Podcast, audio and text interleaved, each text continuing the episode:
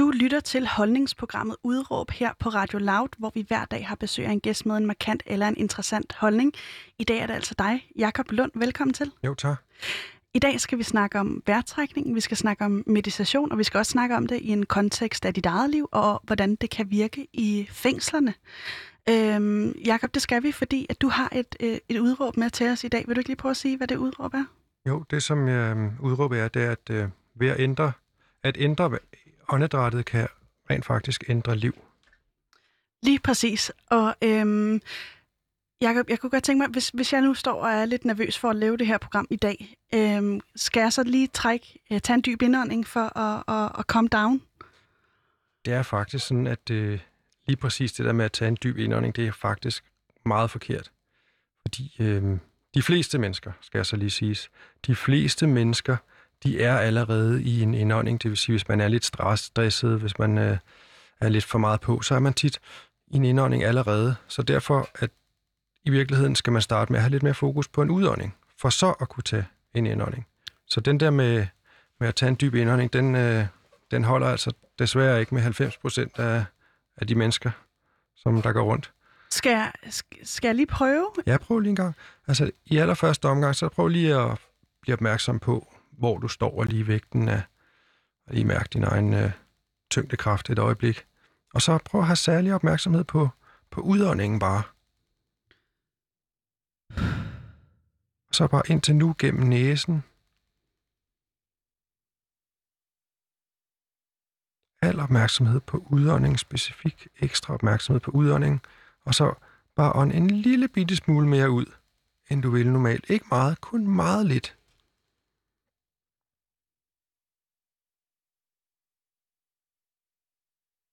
Mikro. Ser det ud, som om jeg gør det rigtigt? Det ser udmærket ud. Skal jeg lukke øjnene? Det kan du, det kan du godt gøre. Det, det, der er vigtigt, det er, at du kan holde din opmærksomhed på selve vejrtrækningen. Og ligesom bare glemme alt andet for et øjeblik. Og så efter et stykke tid, så kan du så tage en indånding og ånder så ind. Og holder vejret et øjeblik. Og så kan du ånde ud med en lille lyd for lige at få fat i lidt mere. Og igen, tager en almindelig dyb indånding. Holder vejret et øjeblik. Holder ud med lyden. Og så endnu en gang bare observere luften, der går ind og ud gennem næseborene for et øjeblik. Trækker vejret gennem næsen. Primært vil vi helst trække vejret gennem næsen.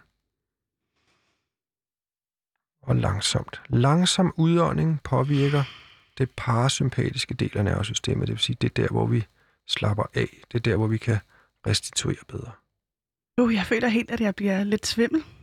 Ja, men altså det er, det kan være, hvis ikke man er vant til at få helt så meget ild ind, så, øh, så lige i starten, så, så kan man nogle gange have en oplevelse af, at man, at man føler, at man bliver svimmel, men det er i virkeligheden, der er ikke noget galt i det. Det er simpelthen et spørgsmål om træning, og så kan man ligesom optage mere og mere gennem en egen vejrtrækning, mere energi. Ikke? Og Jacob, nu er jeg altså lige hoppet ud af den der med at trække vejret øh, tungt, fordi jeg kunne godt tænke mig lige at præsentere dig ordentligt, fordi du ja. er jo manden bag øh, det, det øh, hvad, hvad er I en organisation, der hedder Breathe Smart? Eller ja, en altså, virksomhed? Altså, jeg arbejder for en uh, humanitær organisation, der hedder International Association for Human Values, ja. som laver mange forskellige humanitære projekter i hele verden. Øhm, jeg har så i Danmark startet et, uh, et program, der hedder Breathe Smart, ja. som er et program, og et program, der hedder Prison Smart. Øhm, og det er et program for øhm, folk, der har siddet i fængsel, folk, der har været i, i, i form i misbrug, øhm, folk, som arbejder med, med, med adfærdsvanskelige, altså folk, som, øhm, som på en eller anden måde er i berøring, men, men med nogen, der har været ude i sådan lidt, lidt mere, end hvad normalt er, hvis man kan sige det sådan, ikke? Lidt mere stormvær, end, lidt, end man normalt er. Stormvær. Jeg kan ikke lige spørge dig, om du vil tage den her stol, fordi jeg kan høre, den der, den knirker en lille smule okay, jamen, i det første skal, omgang. det skal jeg gerne gøre. Nå ja, det kan jeg også høre det. Fordi så, sådan, det er 10 gange bedre. fordi så kan jeg lige øh, spørge dig, øh, nu er du øh, stifteren eller manden bag den her organisation, som sagt, og du har fokuseret på meditation og, øh, øh, og vejrtrækning igennem en årrække. Og Jacob, jeg vil gerne lige høre først og fremmest, hvordan er det, at, øh, at vejrtrækningen ligesom kan ændre øh, liv? For det første, så øh, kan det selvfølgelig være i begge retninger. Man kan både, hvis man begynder at trække vejret lidt mere forkert, så kan det ændre livet i, i en dårlig retning og omvendt. Men, men sådan helt øh, grundlæggende, så er det jo sådan, at vores vejrtrækning er jo kilden til vores liv. Man kan sige, at hvis ikke vi trækker vejret, jamen så, så er vi her slet ikke. Og, og det går også den anden vej. Det går også der, at øh, hvis vi lærer at trække vejret mere rigtigt, så kan vi bekomme endnu mere i live, sådan vil jeg sige det. Og, og det betyder, at vi kan ligesom få, få mere adgang til os selv, faktisk. Og hvordan er det? Altså, fordi nu prøvede vi lige at starte her med en vejrtrækningsøvelse. Er det noget med at få vejrtrækningen helt ned i maven, eller hvad er nøglen, som du ser det øh, med vejrtrækning? Altså, det er ikke sådan, at der er én nøgle. Der, der er mange forskellige te- vejrtrækningsteknikker, som kan påvirke i forskellige retning. Øhm, der er en professor, som hedder Stephen Portes, som, som er meget interessant. Han er, han er specialist i, øh, i nervesystemet. Mm. Og han, han siger noget, som jeg synes er meget rammende for, for hvad, hvad vejrtrækning kan. Han siger, at hvis du ændrer din, din vejrtrækning, så kan du ændre den måde, du ser verden på. Og, og, og der, der vil jeg også godt tilføje, at hvis du ændrer din vejrtrækning, så kan du faktisk øh, ændre på den måde, du relaterer til dig selv. Så dine tanker, dine følelser, og ikke mindst din egen historie. Og hvordan, øh, hvordan er den ændring? Altså, hvad er det, der kan ændres ved vejrtrækningen? Vores vejrtrækning er rigtig meget forbundet til vores nervesystem. Øhm, og vores nervesystem er meget forbundet til, hvordan vi responderer på udtryk, der kommer udefra, og også hvad vi indgår og bærer med i vores historie, vores mønstre osv. Så, så når vi ændrer vores vejrtrækning, og vi arbejder med vejrtrækning, så kan vi øhm, påvirke vores nervesystem, vi kan præge vores nervesystem, så vi simpelthen kan, kan, ja, kan ændre på den måde, vi responderer på det, der sker udefra, og det, der kommer inden, inden fra os selv. Øhm, værtrækning er, er utrolig meget forbundet til vores følelsesliv. Altså de følelser, vi har, de tilstand, vi er i, de har altid en, en, en værtrækningsrytme med sig. Øhm, hvis jeg har det, hvis jeg har angst for eksempel, så trækker jeg vejret på en speciel måde, ikke? eller hvis, øhm, hvis jeg øh, er meget vred, trækker jeg vejret på en anden måde. Hvis jeg er sådan et menneske, der er totalt i kontrol hele tiden, så har jeg en, en tredje måde at trække vejret. Og omvendt også, hvis jeg trækker vejret på... Hvis vejrtrækningen er i balance, og har, og jeg har rare følelser, så er der også øh, en, en rytme der. Og der kan man gå ind og, og, og ændre sin vejrtrækning, og på den måde ændre rent faktisk ens følelser, og, og den måde, man relaterer til sine følelser på. Øhm, man kan sådan set føle det, man føler. Øhm, mange mennesker, som jeg ser det, de, øh, det er ikke altid, de er i kontakt med, hvad de egentlig føler. Der er noget på overfladen, hvis man er meget stresset, så, så, er det ikke, så tit så mærker man ikke, hvad der egentlig ligger indenunder. Og gennem vejrtrækning, så kan man simpelthen komme til at føle det, man rigtig føler. Og man kan få adgang til ressourcer, der gør, at man rent faktisk øh, kan kapere det, man møder i sig selv. Har du et eksempel på det? Øhm, ja, det har jeg. Altså, øhm, det kan være en person, som er, er, er rigtig stresset og, øhm, og måske øh, føler, føler angst eller et eller andet, og så, så personen, hvis, så kan det være personen, hvis man begynder at arbejde lidt med kroppen og lave nogle ting med vejrtrækning, så lige pludselig, så, så kan den person finde ud af, at personen rent faktisk er vred, for eksempel. Det, her, det, det, det kan være en ting. Øhm, det kan også være, at øh, i det hele taget, når man, når man er stresset, det, så, så, så spænder man meget op i kroppen, og så kan det også være svært egentlig at, at være i kontakt med sig selv og virkelig mærke sin, der er nogen, der kalder det mavefornemmelse, men det øh, at, at være i kontakt med sig selv og føle, og at skille tingene ad også nogle gange. Ikke? Og det er en god ting at skille tingene ad, eller hvad? Ja, jeg vil sige det sådan, at, at nogle gange, så kan man også bruge vejrtrækning, hvis man er det, man er blevet i tvivl om, eller hvis man har en konflikt, så kan man ligesom skille ad, hvad hører til mit, og hvad hører til den andens person. Ikke? Så, ja. så mærk ind i, hvordan man selv har det. Ja. Og jeg kunne godt tænke mig også lige at spørge dig ad, fordi det her, det har jo rødder i, i, øh, i østlig filosofi. Ja, lige præcis. Vil du ikke lige prøve at beskrive, hvordan de to ting her hænger sammen? Fordi det er jo sådan en meditationsform, kan man vel godt sige, ikke? Eller hvad? Jo, altså der er, der er vejrtrækningsteknikker, og, og, og der er ting, kropslige øvelser, og der er meditationsteknikker også, og der er også selvfølgelig en masse viden omkring øh, sindet, og hvordan, øh, hvordan tingene de hænger, hænger sammen, og hvordan krop og sind, det, det i virkeligheden er forbundet. Ikke? Og det, det kommer fra Østen, men, men, men, men i dag er der jo lavet så meget forskning, som, som øh, ligesom støtter op omkring hele den viden, som, øh, hvor at, da jeg startede for, for 20-25 år siden, øh, der var det jo sådan mere sådan, kunne det let gå hen, og folk sådan sagde, at det var noget hokus pokus, eller det ja, var et eller andet, som... Det, det var faktisk lidt mit næste spørgsmål. Det er det ikke? Nej, det, det er helt sikkert. Altså, så, man, så, er det, så er man ligesom kommet bagud af den. De sidste 10 år, der er simpelthen kommet så meget forskning på, hvad vejrtrækningen kan, og hvad, øh, hvad det kan bruge og gøre at bruge kroppen, og hvad der sker i hjernen, og hvad der sker i, hvordan øh, blodet ændrer sig, og alle sådan nogle forskellige ting. Og hvis du skulle på en eller anden måde sætte det på spidsen, hvad den her forskning viser, hvad, hvad er det så? Så det, det er simpelthen, det, det skulle vi bruge rigtig, rigtig mange timer på, men, men i hvert fald en ting, som, som det viser, det er, at i den verden, som vi lever i nu, der får vi tit mange flere indtryk ind, end vi når at aflade igen.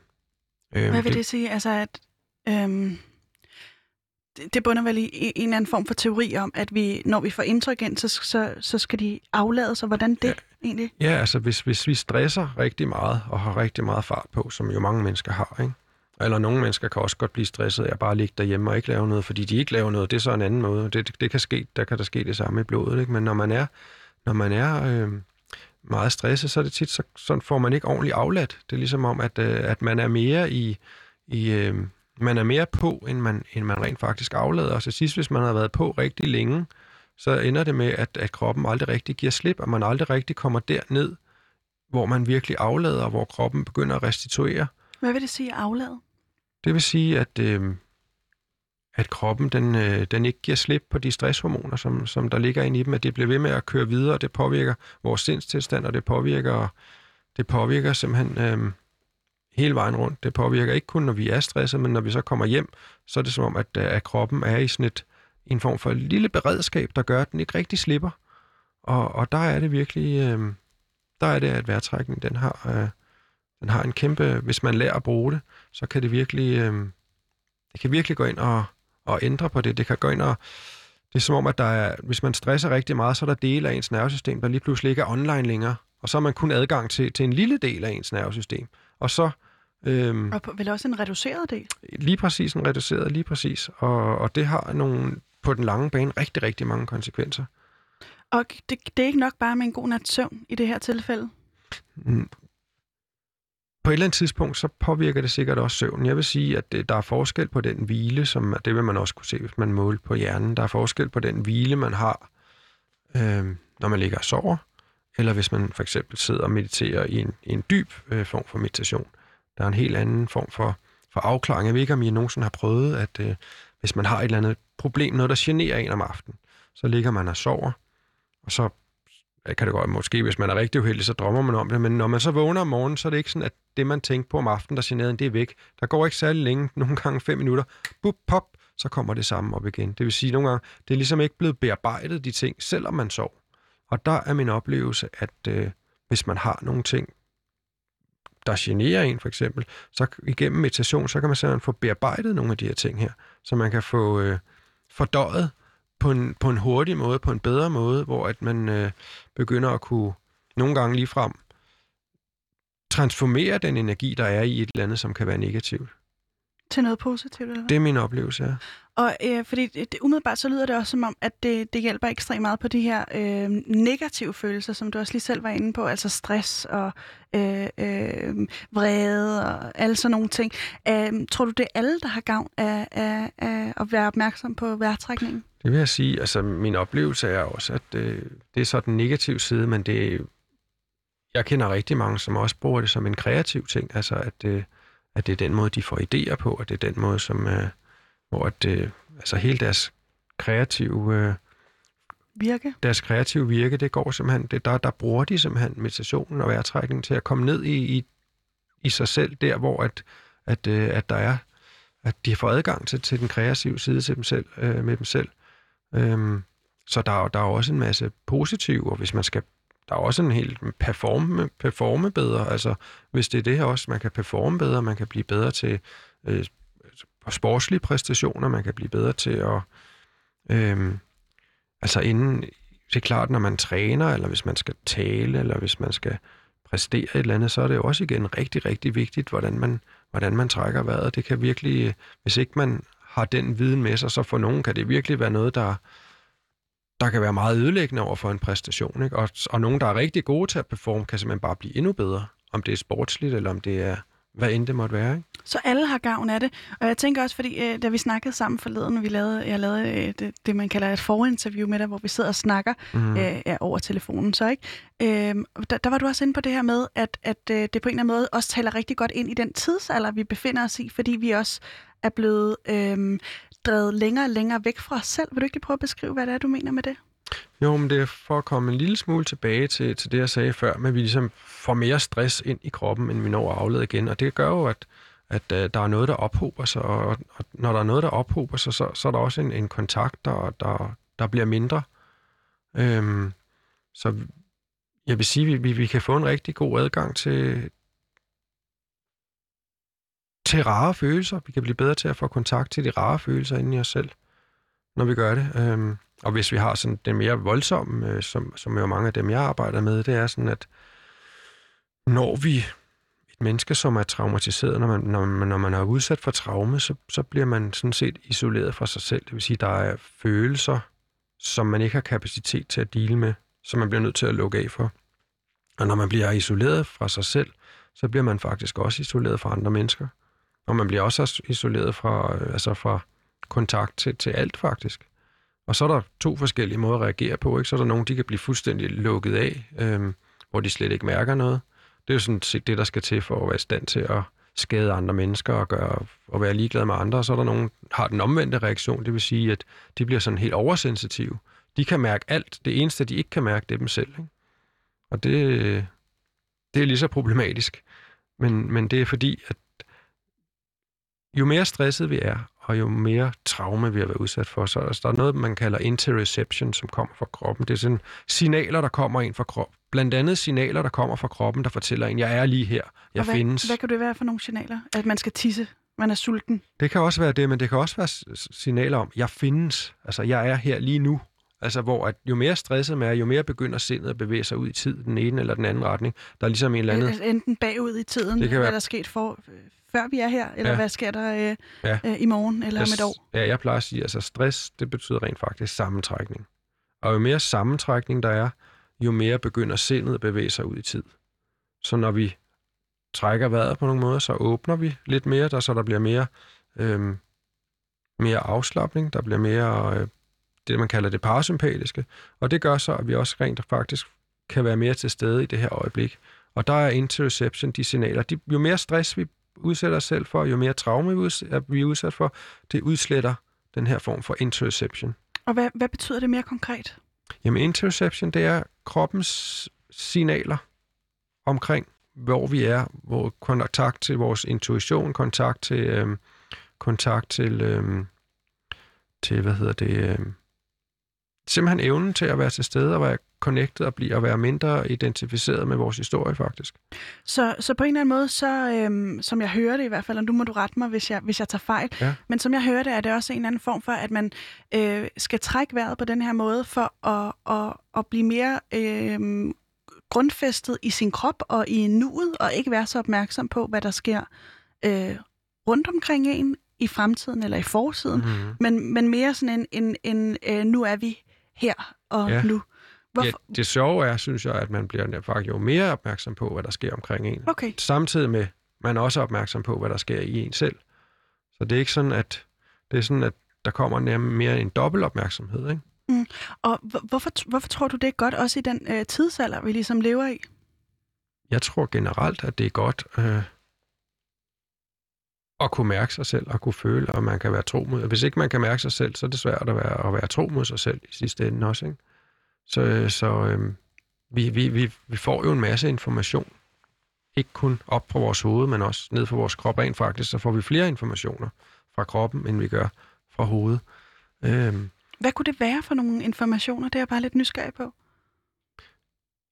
For eksempel sådan, en, sådan noget som... Øh, empati for eksempel, det, det er jo også noget, som, som man har opdaget, at når man at det bliver åbnet op for, når vi mediterer på nogle specielle måder og, og arbejder med vejrtrækning, så åbnes der også op for empati. Og det er ikke kun en empati, der går ud mod andre mennesker, men det er rent faktisk også en empati, der går ind mod sig selv. Øhm, så sådan helt basale følelser, som, som nogen vil kalde selvomsorg, eller evnen til at kunne, øh, ja, jamen simpelthen at kunne lytte til sig selv. Og det er ekstremt vigtigt, hvis man skal være i den her verden. Og vil du ikke lige prøve at beskrive, hvorfor er det, det er vigtigt øhm, at kunne mærke sig selv? Fordi jeg tænker, det kan vel også være, har jeg i hvert fald oplevet, at det kan være enormt ubehageligt at, øh, at mærke efter. Det kan være, det som er interessant, det er, når vi arbejder med kroppen, og når vi arbejder med, med, med, med de her øh, metoder her, så får vi jo faktisk ressourcer. Altså det, det er ubehageligt at mærke noget, hvis ikke man har ressourcerne til at mærke det. Ikke? Men der bliver påfægtet en, der hedder Bessel von der Kolk, som er en forsker i traume og stress og sådan nogle ting. Han, han, han siger meget interessant, at vi føler faktisk gennem vores krop. Altså følelser, vi føler gennem kroppen. Det er ikke op i hovedet, vi føler, men vi føler gennem kroppen. Og, når, og han har så studeret yoga blandt andet og sådan nogle ting, at når vi arbejder med kroppen og vejrtrækning, så åbner vi faktisk op for kapaciteten til at rumme det, der sker inde i os selv. Så vi får større kapacitet til, til at rumme. Og så sker der lige pludselig en, en øh, så bliver vi guidet i den rigtige retning. Ikke? Og øhm, er det, fordi jeg tænker, at, at det på en eller anden måde også er meget øhm, vi har snakket om dit liv i, telefonen. Vi kommer også til at snakke om ja, det igen om ja. et øjeblik. Vi har også snakket øh, en lille smule om mit liv, øh, og, og hvad man kan bære rundt på fra ens fortid. Tror du, det er alle, der på en eller anden måde har, øh, har traumer? Nej, det tror jeg ikke. Jeg tror ikke nødvendigvis, det er alle, der har, der har traumer. Øh, det, det tror jeg ikke. Så der er en bestemt gruppe, der også kan, altså der er en gruppe, der ligesom kan få, få det mere kreativt ud af det, og så er der en gruppe, som, som kan øh, lære at, at begribe sig selv bedre, eller hvordan? Ja, altså jeg tror, uanset hvem vi er, og hvor, hvad vi har med, så tror jeg altid, vi kan blive mere bevidste. Jeg tror altid, vi kan få et større kendskab til os selv. Så det handler også om bevidsthed, det her? Ja, det handler i den grad om at blive mere bevidst. Vil du ikke prøve at beskrive det? Jamen, at blive mere bevidst, det er jo at, at få mere, altså det er blandt andet en del af bevidsthed, det er også at, at få mere selvindsigt, ikke? og lære sig selv bedre at kende. Det vil jeg også sige er en, er en del af bevidstheden, at blive mere vågen i sit liv. Øhm, det, det vil jeg sige, at... Uh, Som sker gennem kroppen også? Altså, det, så, så... det blandt andet også, ikke? Det, det hele, altså det, det er det der med, at det er meget svært at skille tingene, fordi det hele hænger sammen, ikke? Mm. Kroppen og sindet. Og, øhm, så, så jo mere bevidste vi bliver, jo... Øh, jamen altså, så bliver vi også guidet mere af, af vores egen, af vores egen krop. Det, der, der er jo nogle professorer i dag, der kalder, der kalder maven the second brain. Det synes jeg er meget sjovt. At, øh, at der er altså noget intelligens, som, som, øh, som ikke kun kommer op, op fra hovedet, og hvor at, øh, at der kan være rigtig meget hen, ikke fordi vi skal ikke glemme alt om vores hoved, det er selvfølgelig en enormt vigtig ting, men, men, øh, men der er altså også informationen, der kommer andre steder fra, og uden at det skal være noget som helst hokus pokus i det. Ja, fordi det, som du siger, så er der nogen, der har øh, anklaget det i hvert fald tidligere for at være meget hokus pokus. Jeg kunne godt tænke mig at høre lidt om, hvordan er det, du arbejder, når du øh, øh, øh, guider sådan en, øh, en, en, en værtrækningssession hos, hos jer, Breathe Smart? Øhm, som jeg sagde før, så er der jo mange forskellige teknikker og forskellige måder at trække vejret påvirker forskelligt på. Ikke? Men, øh, men først går vi ud fra, at nogle af dem, der kommer, ikke har prøvet noget som helst før. Så det er jo meget vigtigt, at man starter fuldstændig fra scratch. Øhm, så Kunne det man... være med sådan en værtrækningsøvelse, vi lige har gennemgået her tidligere med mig? Ja, det må man sige. Det var være det aller, aller første. Ikke? Øhm, men, øh, men man vil gerne gøre nogle, lige lave nogle ting først med ens krop, for ligesom at komme lige lidt ned i kroppen, og komme lidt i kontakt, inden man begynder at, at kunne at, at lave vejrtrækningsøvelse. Så har vi en, en, en speciel teknik, øh, som hedder man kan kalde uh, Sky, hedder den der, Sudashan Kriger, som betyder en rensende handling. Øhm, jeg har hørt, at 70 procent af alle affaldsstoffer, som vi har i kroppen, de kommer rent faktisk ud, når vi trækker vejret. Og det, så det er det, ligesom det største rensende organ, vi har. Ikke? Så det er klart, når vi, vi trækker vejret øh, cirka 24-25.000 gange på 24 timer. Så hvis vi trækker vejret en lille smule mere rigtigt på, på 24 timer, så har, har det jo en kæmpe udrensende proces i hele, hele vores krop. Og nu, når du siger rigtigt, altså der er en, en rigtig måde at trække vejret på, er der, er der, hvad er grundpillen ved den rigtige vejrtrækning? Jamen det er, at der for det første er en balance mellem indånding og udånding. Ikke? Øh, der er mange mennesker, de er sådan meget øh, anspændt i deres... Altså nogle mennesker, nogle mennesker trækker faktisk vejret på en måde, som, som fremmer de tilstande, som de rent faktisk slet ikke ønsker. Altså en person, som, som har angst, så vil man tit kunne se, at den vejrtrækning, som der er, den, den vil fremme. Det er sådan en ond cirkel. Øhm, Og nogle mennesker, de, de undertrykker vejrtrækning, det vil sige, de trækker vejret utrolig lidt. De trækker vejret, altså hvis man trækker vejret mindre, så kan man også føle mindre, ikke? Øhm, og og så, så derfor, at det, det er en ubegrænset... Hvis man kigger på, på en, en kat, for eksempel, der ligger og sover, så vil man læ- se det nærmest som om det er hele, hele kroppen. Hele kroppen trækker vejret. Ikke? Den er sådan fuldstændig uanstrengt. Ikke? Og det vil man også se, hvis man kigger på, på et barn. På et barns vejrtrækning. Altså den måde, vi trækker vejret på, øh, afspejler utrolig meget, hvordan vi er i verden, faktisk.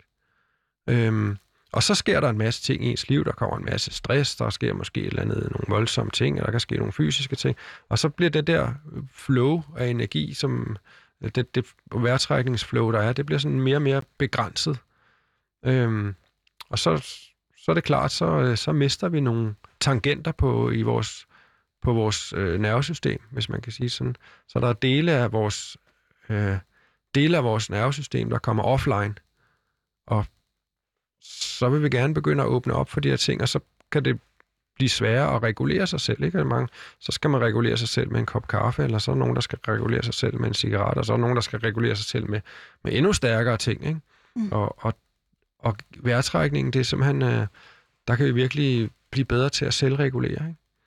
Uden øh, udefra kommende øh, stimulanser, eller hvad? Prøv at høre, vi kan, vi kan jo simpelthen vi kan jo producere vores egne, vores egne kemikalier gennem, hvor vi kan simpelthen vi laver vores egne stoffer. Problemet er, hvis vi bliver ved med at få stimulans udefra af en eller anden kemisk grad, så fortæller vi jo kroppen, du behøver sikkert producere det, fordi det kommer udefra, og så stopper kroppen med at producere det. Ikke?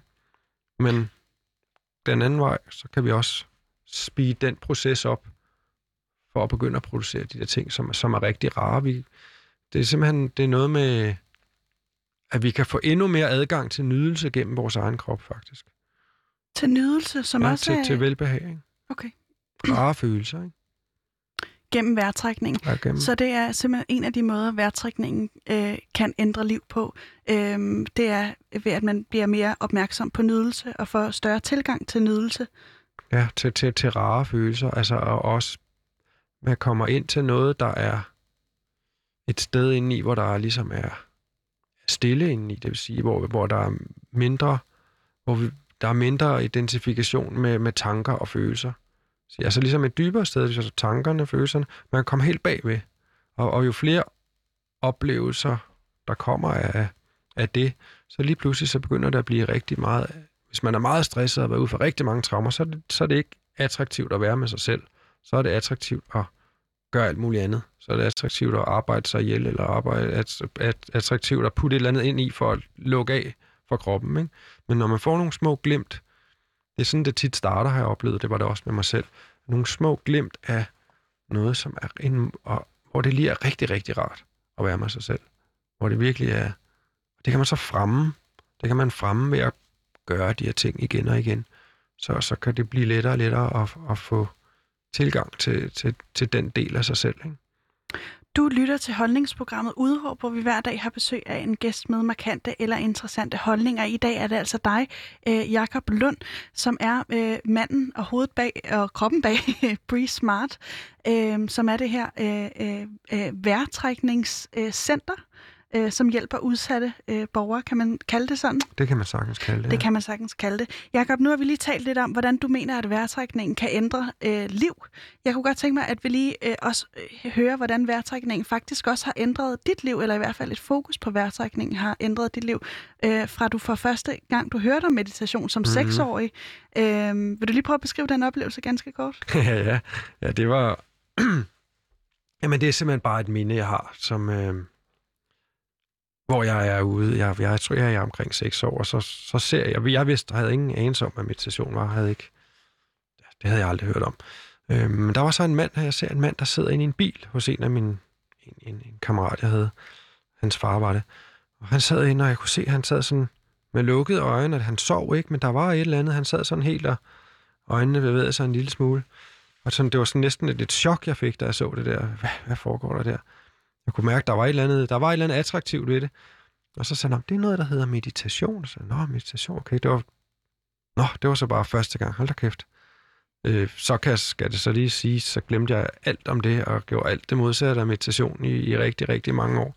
Og det kommer vi også ind på. Men, men du, du prøver på et tidspunkt, så først langt senere, og, hvor du har en, en periode, hvor du har gået en helt anden retning. Ja. Men, men du prøver meditation første gang, da du er i 20'erne, er det ikke rigtigt? Jo, det er rigtigt. Og vil du ikke lige prøve at beskrive, hvad er det for en Jakob, der, øh, der, der prøver meditation på det her tidspunkt? Altså, der, der, der er, altså, det er faktisk en af mine kammerater, som er meget opsat på, at vi skal prøve. Vi, vi træner noget, noget kampkunst. Og, som så, du har dyrket meget, faktisk? Så jeg har dyrket meget, ja.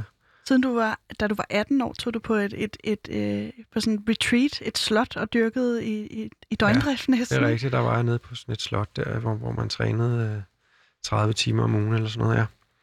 Øhm, men øhm, for at komme tilbage til, til, til der, hvor jeg var, det var, det var i hvert fald ikke, jeg havde ikke nogen interesse for, for den slags. Det var, det var en tilfældighed. Og så prøvede jeg, der var ikke nogen... Hvem, øh, hvad interesserede du dig så for? Jamen, jeg var meget committed til, til det her øh, træning. Øh, Kampsport? Jeg, kamp, kampkunst, ja, som jeg lavede øh, noget, der hed Wing Chun. Øhm, og hvor, hvorfor var du det, tror du?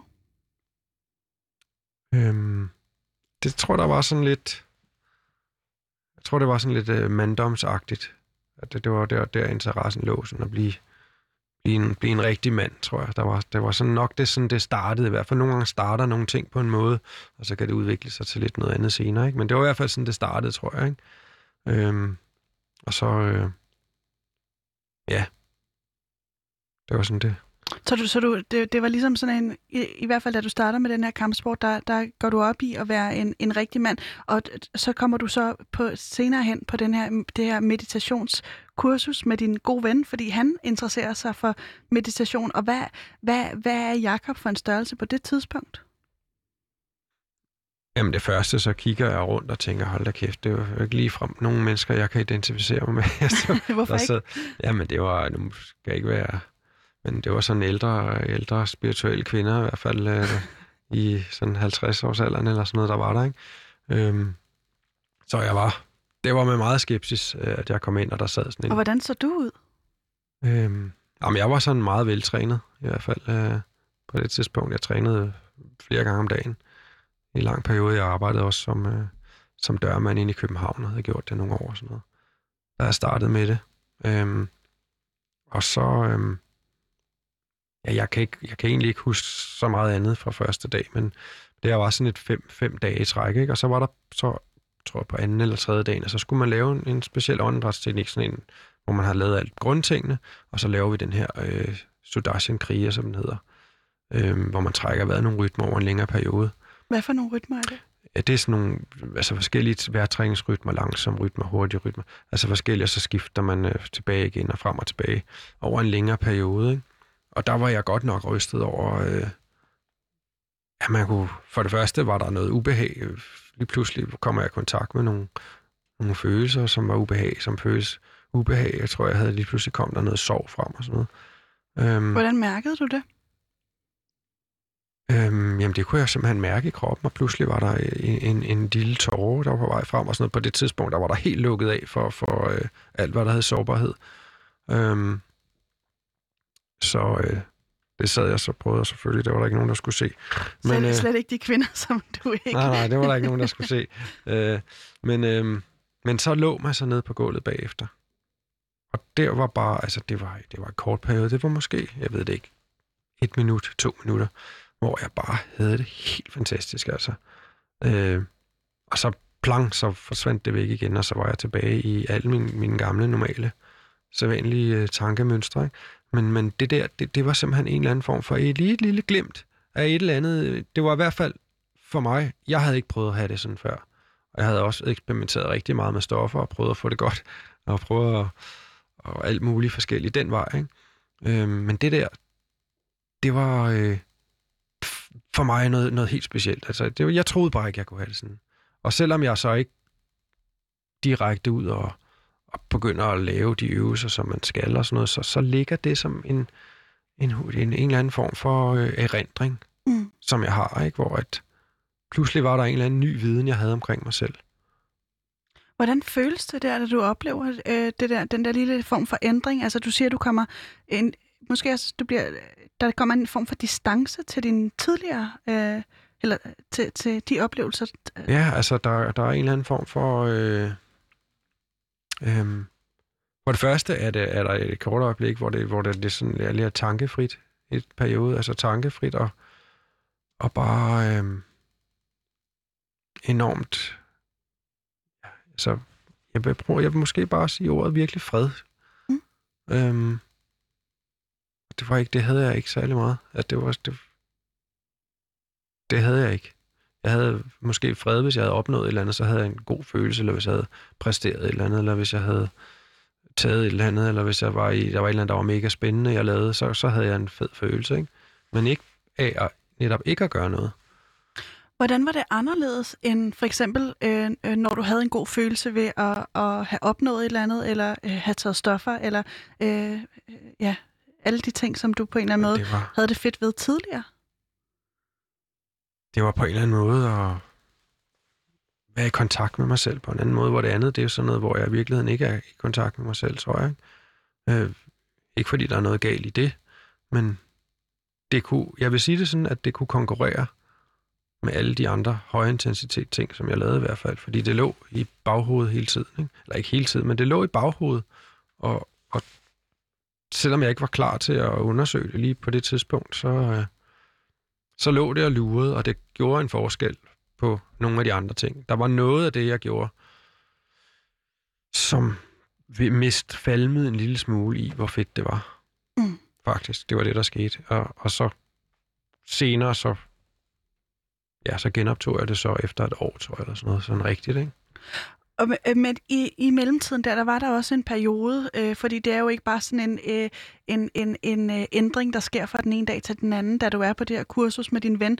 Der er ligesom en mellemliggende periode, hvor du også, altså, øh, hvor du har rigtig meget fart på, og ikke kun forstået på den måde, at du er grænsesøgende, men du kører. Øh, der er faktisk også en, et eksempel, hvor du kører øh, 200 km på motorvejen. Øh, vil du ikke lige prøve at beskrive øh, det eksempel for dig, før du ligesom kommer tilbage til, til meditationen? Jo, altså det, det er jo... Jeg tog en del øh, stoffer på et tidspunkt, ikke? Og du øhm. havde måske i, i virkeligheden også fortsat de her sådan meget maskuline idealer med øh, at, at være ja, ja. den rigtige måde at være en mand på, ikke? Eller hvad? Jo, jo, jo. Men øhm, jo, jeg kan huske, det var, det var, øh, der var mange episoder og alt muligt. Øh, det er absolut ikke noget, jeg er stolt af, men, men på et tidspunkt, hvor jeg også, man lå og kørte øh, ja, over 200 km i timen på, på små veje, øh, hvad hedder det, øh, og var nærmest ligeglad med, hvad der skete. Og både, både med mig selv og andre. Ikke? Jeg kan huske sådan, altså sådan en, en lige, fuldstændig ligeglad med det hele. Ikke? Kan du huske, hvordan der ser ud på det? Er det mørkt, eller er det lyst? Ja, det er mørkt, og det, men det er også sådan lidt tåget, fordi jeg var mega påvirket, hvilket er fuldstændig uforsvarligt. Ikke? Men, øh, men det var altså sådan, det var øh, på det pågældende tidspunkt. Og hvad havde du taget? Øh, jeg tror, jeg har taget en masse kokain og drukket rigtig meget alkohol. Ikke? Ja. Øh, øh, men men øh, altså, det er sådan efter det er i slutningen af der, hvor at, øh, at, øh, at jeg kører på med de ting der. Ikke? Og kan du huske, hvor du var på vej hen, eller? Nej, det kan jeg ikke huske. Det har helt sikkert været ind til noget mere fest. Øh, ja. Det er der ingen tvivl om. Eller også har det... Nej, jeg tror faktisk, det der var, var bare at køre for... Altså, jeg kan ikke... Det er helt tåget for mig, men jeg kan bare huske den der følelse af, at hvis du kører galt, så er det også okay. Og hvorfor var det okay, øh, hvis du kørte galt? Nå, men altså, fordi... Øh, altså, hvis man der kommer, det gjorde der, der kom en periode, hvor jeg til, til sidst med, med, med det her kokain her, at, at øh, jeg synes, jeg mistede sådan langsom følelsen til at, til at evnen til at føle, føle glæde og sådan ting, ikke? forsvandt. Øhm, på det tidspunkt der, ikke? Så i starten, så er det jo sjovt og spændende, og så på et tidspunkt, så, så er det nærmest, altså, så er der ikke rigtig den der optur længere, ikke? på et eller andet tidspunkt. Hvorfor tror du, den forsvandt, den der øh, følelsen af at, at være høj på, på de der udefra kommende stimuli, som for eksempel kokain var for dig på det her tidspunkt? Jamen altså, for det første er der en ting, der hedder slitage omkring det, ikke? og så er der bare også en anden ting, at, at øh, altså, man bliver simpelthen, man kommer bare længere og længere væk fra sig selv, altså hele, øh, man, der bliver simpelthen så lav energi, at det, at det er kun det, de sorte ting, der, der, der bliver fokuseret på, ikke? Og så efter sådan nogle, nogle dage der, så, så er der jo helt, man er jo helt drænet, ikke? Jeg var helt drænet, kan jeg huske. Altså, det var sådan, skulle virkelig tage sig sammen for at komme i gang igen, ikke? Med, men der havde jeg så rimelig god disciplin, og så kommer jeg op og træne igen og sådan nogle ting der, ikke? Men, og så var det forfra igen efter, efter øh, et stykke nogle dage igen, ikke? Så sådan det var, var det i hvert fald i en periode, ikke? Det var... Så det var sådan, oh, nu var det vel klasse her, men det var sådan lidt, dit liv så ud. Altså, det var meget festorienteret i weekenderne, og, øh, og så træne i Det var fest og hård træning, og sådan to fuldstændig modsatte ting, ikke? Ja. Øh, og sådan et dobbeltliv også, der bliver ledet med det der, ikke? Som jo også er mega usundt. Og øh, det, der, der sker så på et tidspunkt en ændring, da, da, da, fordi du, du arbejder her som dørmand, og du står i, i døren, og, øh, øh, og pludselig skal, skal øh, forholde ja. dig til nogle ret vilde ting. Vil du ikke lige prøve at beskrive den oplevelse? Der var, altså, der var rent faktisk mange vilde ting hele vejen igennem. Jeg tror, jeg arbejdede som dørmand i otte år eller sådan noget. Ikke? Mm. Øhm, og, øh, og der var masser af farlige situationer og masser af ballade og sådan nogle ting. Men der var bare... Det var så efter, jeg havde lavet var gået i gang med at ændre livet en lille smule, at det var der, det kom. Ikke? Hvordan var du gået i gang med at ændre Jamen, der var jeg så kommet en periode, hvor jeg så var begyndt at, at praktisere, og hvor var stoppet med at, at indtage alt muligt. Øhm, og så, jamen, så er der bare en aften, hvor jeg står, og så står vi og konfiskerer, der er nogle, nogle indvandrere, der og så, så står vi og så konfiskerer en masse hobbyknive for de der øh, gutter der. Og så, øhm, ja, så er det som om, at så lige pludselig så begynder jeg, hvor jeg før ikke rigtig havde sådan en, jeg tænkte sgu ikke rigtig konsekvens omkring nogen ting. Men der tænker jeg bare, at er det virkelig, skal du gøre, at det står her og sætte livet på spil for 200 kroner, eller hvor meget det var dengang, ikke? Øhm, og det var simpelthen sidste aften, jeg arbejdede der, så, så der var det, at jeg, der var det slut derfra, så det var bare sådan, det kan jeg bare huske, det der, det så gad jeg. Det. Men det var som om, at jeg havde været ude for de samme ting mange gange.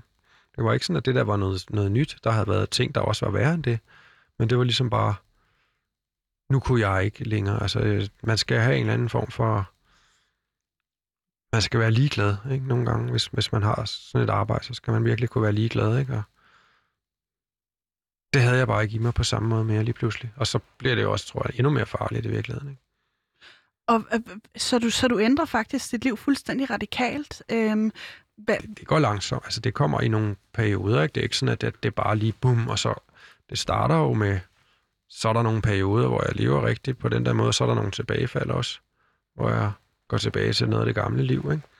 Og så går der længere og længere perioder mellem, at, at jeg gør det, og så... Men hvordan ser dit nye liv ud? Altså, fordi nu siger du, der var perioder, ja, hvor du så faldt liv, tilbage på det gamle. Mit nye liv, det starter faktisk med, at øh, jeg bliver tilbudt noget, noget job med nogle unge mennesker. Øh, og øh, jeg står mellem to, øh, et andet job, nogle, nogle gode, rigtig gode lønnede job faktisk også i forhold til i, i den anden branche, jeg var i, og så, og så er der en, der spørger om det der, som ikke er specielt godt løn, men så øh, tænker jeg, det, det, det vil jeg gerne prøve. Ikke? Og så starter jeg med at arbejde så, som sådan noget, noget kontaktperson og sådan nogle ting. Og, og så vil jeg jo rigtig gerne introducere de her øh, metoder der, som jeg har begyndt at arbejde med i det her, ikke? Jo, fordi der sker jo faktisk noget. Nu har jeg lige skrevet det ned her på mit øh, papir, og det prøver jeg lige at finde, fordi du møder faktisk på et tidspunkt, du begynder også at, at meditere selv, og blive ekstremt nysgerrig på hele det der... Øh, øh, på hele det her felt, ja. øh, hvor du på et tidspunkt møder en, der hedder Ravis Sanga, er det ikke ja, rigtigt? Ja, Sri Sri Ravi Shankar, det er også ham. Sri Sri Ravi Shankar. Ja, det, det, det er ham, øh, som også havde lavet det kursus. Det er altså ikke ham musikeren? Øh... Det er ikke ham mus- musikeren, nej. nej. Øhm, men det er ham, som også har lavet det kursus, som jeg var på allerførste gang. Så han er en eller anden form for en guru? Ja, det er i hvert fald en, en, øh, en, en mester, ikke, som, øh, som mestrer alt det her med vejrtrækning og meditation og sådan noget. Ikke? Øhm, ja, der er så nede, der, der ligger sådan en asram nede i Tyskland, og så er så nede der, så sidder han og fortæller. En asram? Det er sådan et sted, hvor folk kommer og mediterer og, okay. og sådan noget, og, og er i sådan nogle, laver, går på sådan nogle stillhedskurser og sådan noget. Ikke? Øhm, og så... Øhm, så hører jeg, at han sidder og fortæller om i USA, der de er i gang med at, og i Indien, der de er i gang med at lave de her kurser i fængslerne, og det kører rigtig godt i USA og sådan noget. Og der, der bliver min nysgerrighed virkelig fanget. Det var virkelig nogle andre mennesker, han sad og snakkede med om det, så jeg sad bare og lyttede, og så tænkte jeg, hold da kæft, mand. Det kunne jeg godt mærke, det kunne jeg godt tænke mig. Og der var virkelig... Hvad var det, du hørte? Jamen, jeg hørte det der med, at han lavede det her vejrtrækningskurser i, som jeg havde fået så sindssygt meget ud. På det tidspunkt var det, hvor at, der var jeg midt i en proces, hvor at jeg virkelig øh, hvor jeg virkelig gik igennem og mødte alle mulige skeletter i skabet i mig selv. Ikke? Øhm, og det, det havde virkelig gjort meget for mig der, det havde det virkelig. Hvad, øhm, hvad havde det gjort?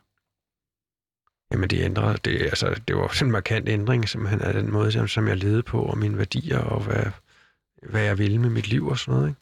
Altså det ændrede, det var, det var ikke igen, det er jo ikke et knipseslag, det var en, en langsom overgang. Ikke?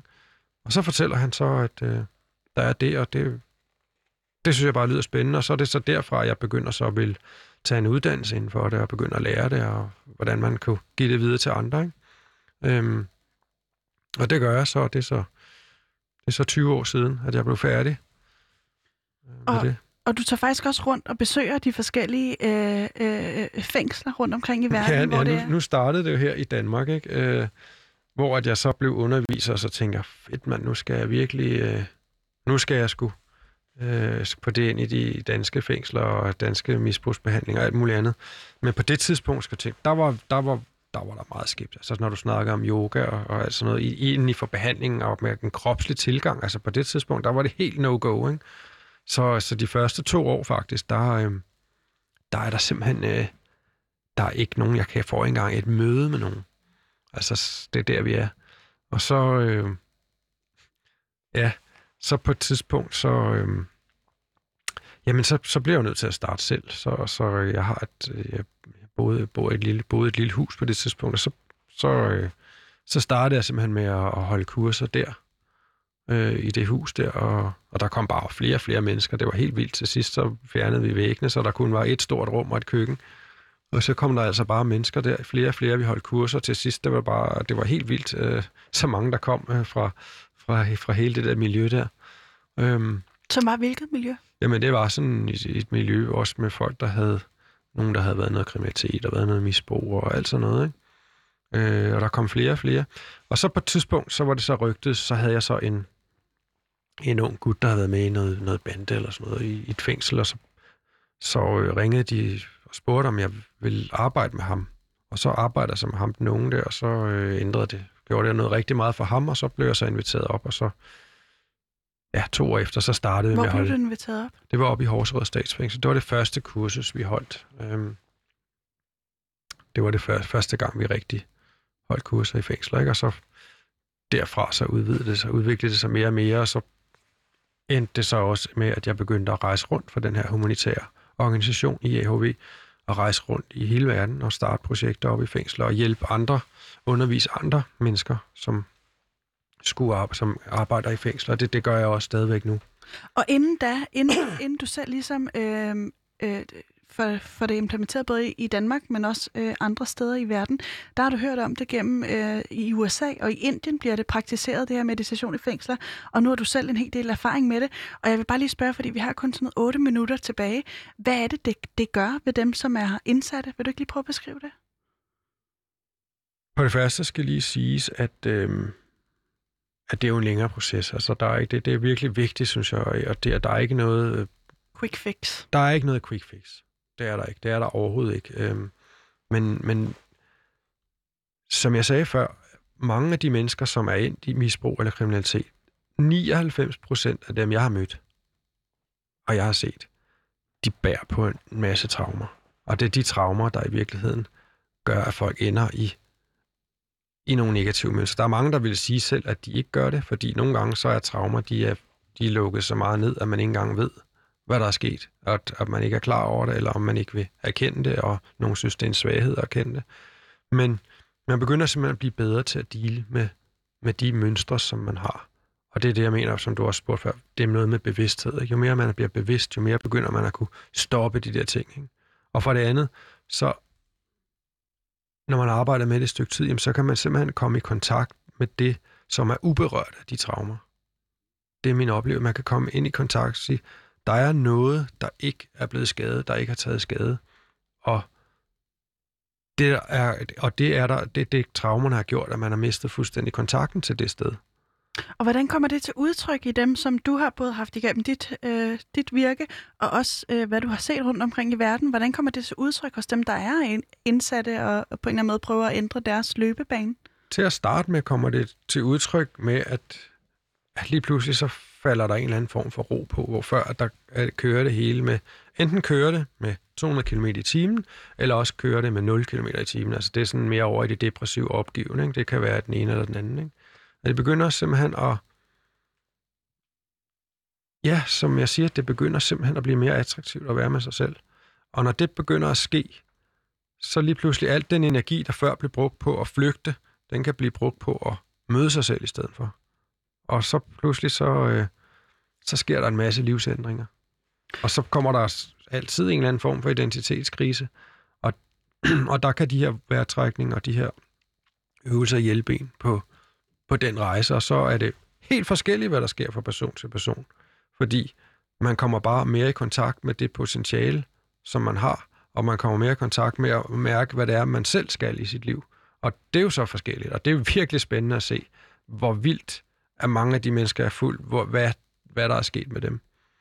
Og det, det har også været ikke kun med de mennesker, der du har mødt på, på din rejse, det har også ligesom været en, en, en lang proces for dig at nå dertil, hvor du er i dag, og ligesom har fundet ud af, at dit virke er det her med at hjælpe andre. Men Jacob, jeg kunne godt tænke mig, at vi lige snakkede om lidt det her med, øhm, der er nogle rimelig vilde statistikker på det. Jeg sad lige og læste på det her. Nu skal jeg lige prøve at se, om jeg kan finde det her i mine øh, noter. Jo, øh, altså depression aftager med 70 procent. Stressniveauet øh, aftager med 57 procent. Den dybe søvn øge, øges med øh, 217 procent. Og velværshormonet øh, hormoner øges med 50 procent. Det står der i hvert fald inde på den hjemmeside, mm. der hedder Art of Living, som, ja. som I også refererer præcis, til. Ja. Øhm, hvis det er så godt, hvorfor tror du så, det er så sindssygt svært for folk at implementere, ikke kun i fængselssystemet, hvor øh, rehabiliteringsprocenten, altså chancen for at komme tilbage til fængslerne, faktisk også formindskes. Hvorfor tror du, at det er så svært at implementere?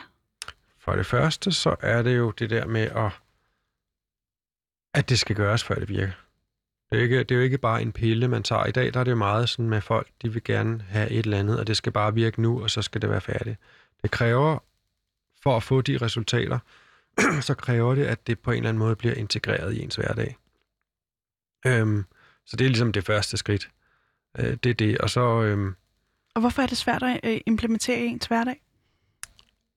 Jamen altså, i det her stressede hverdag, så er der nogen, der har det argument, at de ikke har tid til det. Og øh, det er sådan mega kliché, så det jeg siger nu, men, men altså, i virkeligheden, så vil jeg i hvert fald sige med mig selv, jeg, ikke har, jeg har ikke tid til at lade være med det. Fordi der kommer mere, der kommer bare mere livskvalitet. Det er det, jeg ser. Ikke? Og så er det hele taget nogle gange, så er det klart, på den vej, når man begynder at, at gøre det, så, så kan der også komme noget, nogle gange noget, noget ubehag op, som, som man lige skal igennem, for at, ligesom at, at komme lidt længere ned i sig selv. Og det, i den fart, som folk har på, så nogle gange, når man sætter farten ned, så øh, der er investeret meget i ikke at mærke sig selv. Det er der i hvert fald øh, en del mennesker, der investerer meget i ikke at mærke, og hvordan man bedst muligt kan mærke, hvor det her det er lidt der, det omvendte. omvendt. Ikke? Så øh, det kan være en af delene, men, øh, men der er rigtig mange, der gør det i dag jo. Altså, det er jo, det er jo en kæmpe eksplosion af folk, der bruger øh, den her slags metoder, til, øh, som har det som en del af deres liv. Ikke? Men det kræver noget vilje, det kræver noget disciplin, og, og så kan der også komme den der unds- dårlige undskyldning, med, som jeg synes er dårlig, med at, at man kan blive afhængig af, at det bliver afhængig af det, det er noget dårligt, ikke? Eller så er man også afhængig af det, men, men det vil jeg ikke sige. Altså, så kan man også sige, at man er afhængig af at gå i bad hver dag, og man er afhængig af at og hvad hedder det, øh, at sove, eller man er afhængig at børste tænder hver dag. Det er ligesom nogle, del, det er nogle rutiner, der gør, at det her det er mental hygiejne. Ikke? Og det skal til, før man kan være glad? Jeg ved ikke, om det skal til, for at man kan være glad. Det, det, skal, det kan i hvert fald bruges til at, at få endnu mere ud af, hvad end man, hvor man er i sit liv, ved at, ved at, ved at, ved at våge påstå. At det, Ja, øhm, det var simpelthen, hvad vi nåede i dag, okay. Jacob. ja. Var det en øh, time, der gik? Eller? Det, det var det. Nå, okay. Lige godt og vel, lige om et halvt minut. Nå, vildt, nå. Øh, men, men jeg vil sige tusind tak, fordi du Jamen, kom og tak. beskrev, hvordan øh, du i hvert fald mener, at vejrtrækningen kan ændre liv, både til det, til det positive og til det negative. Ja.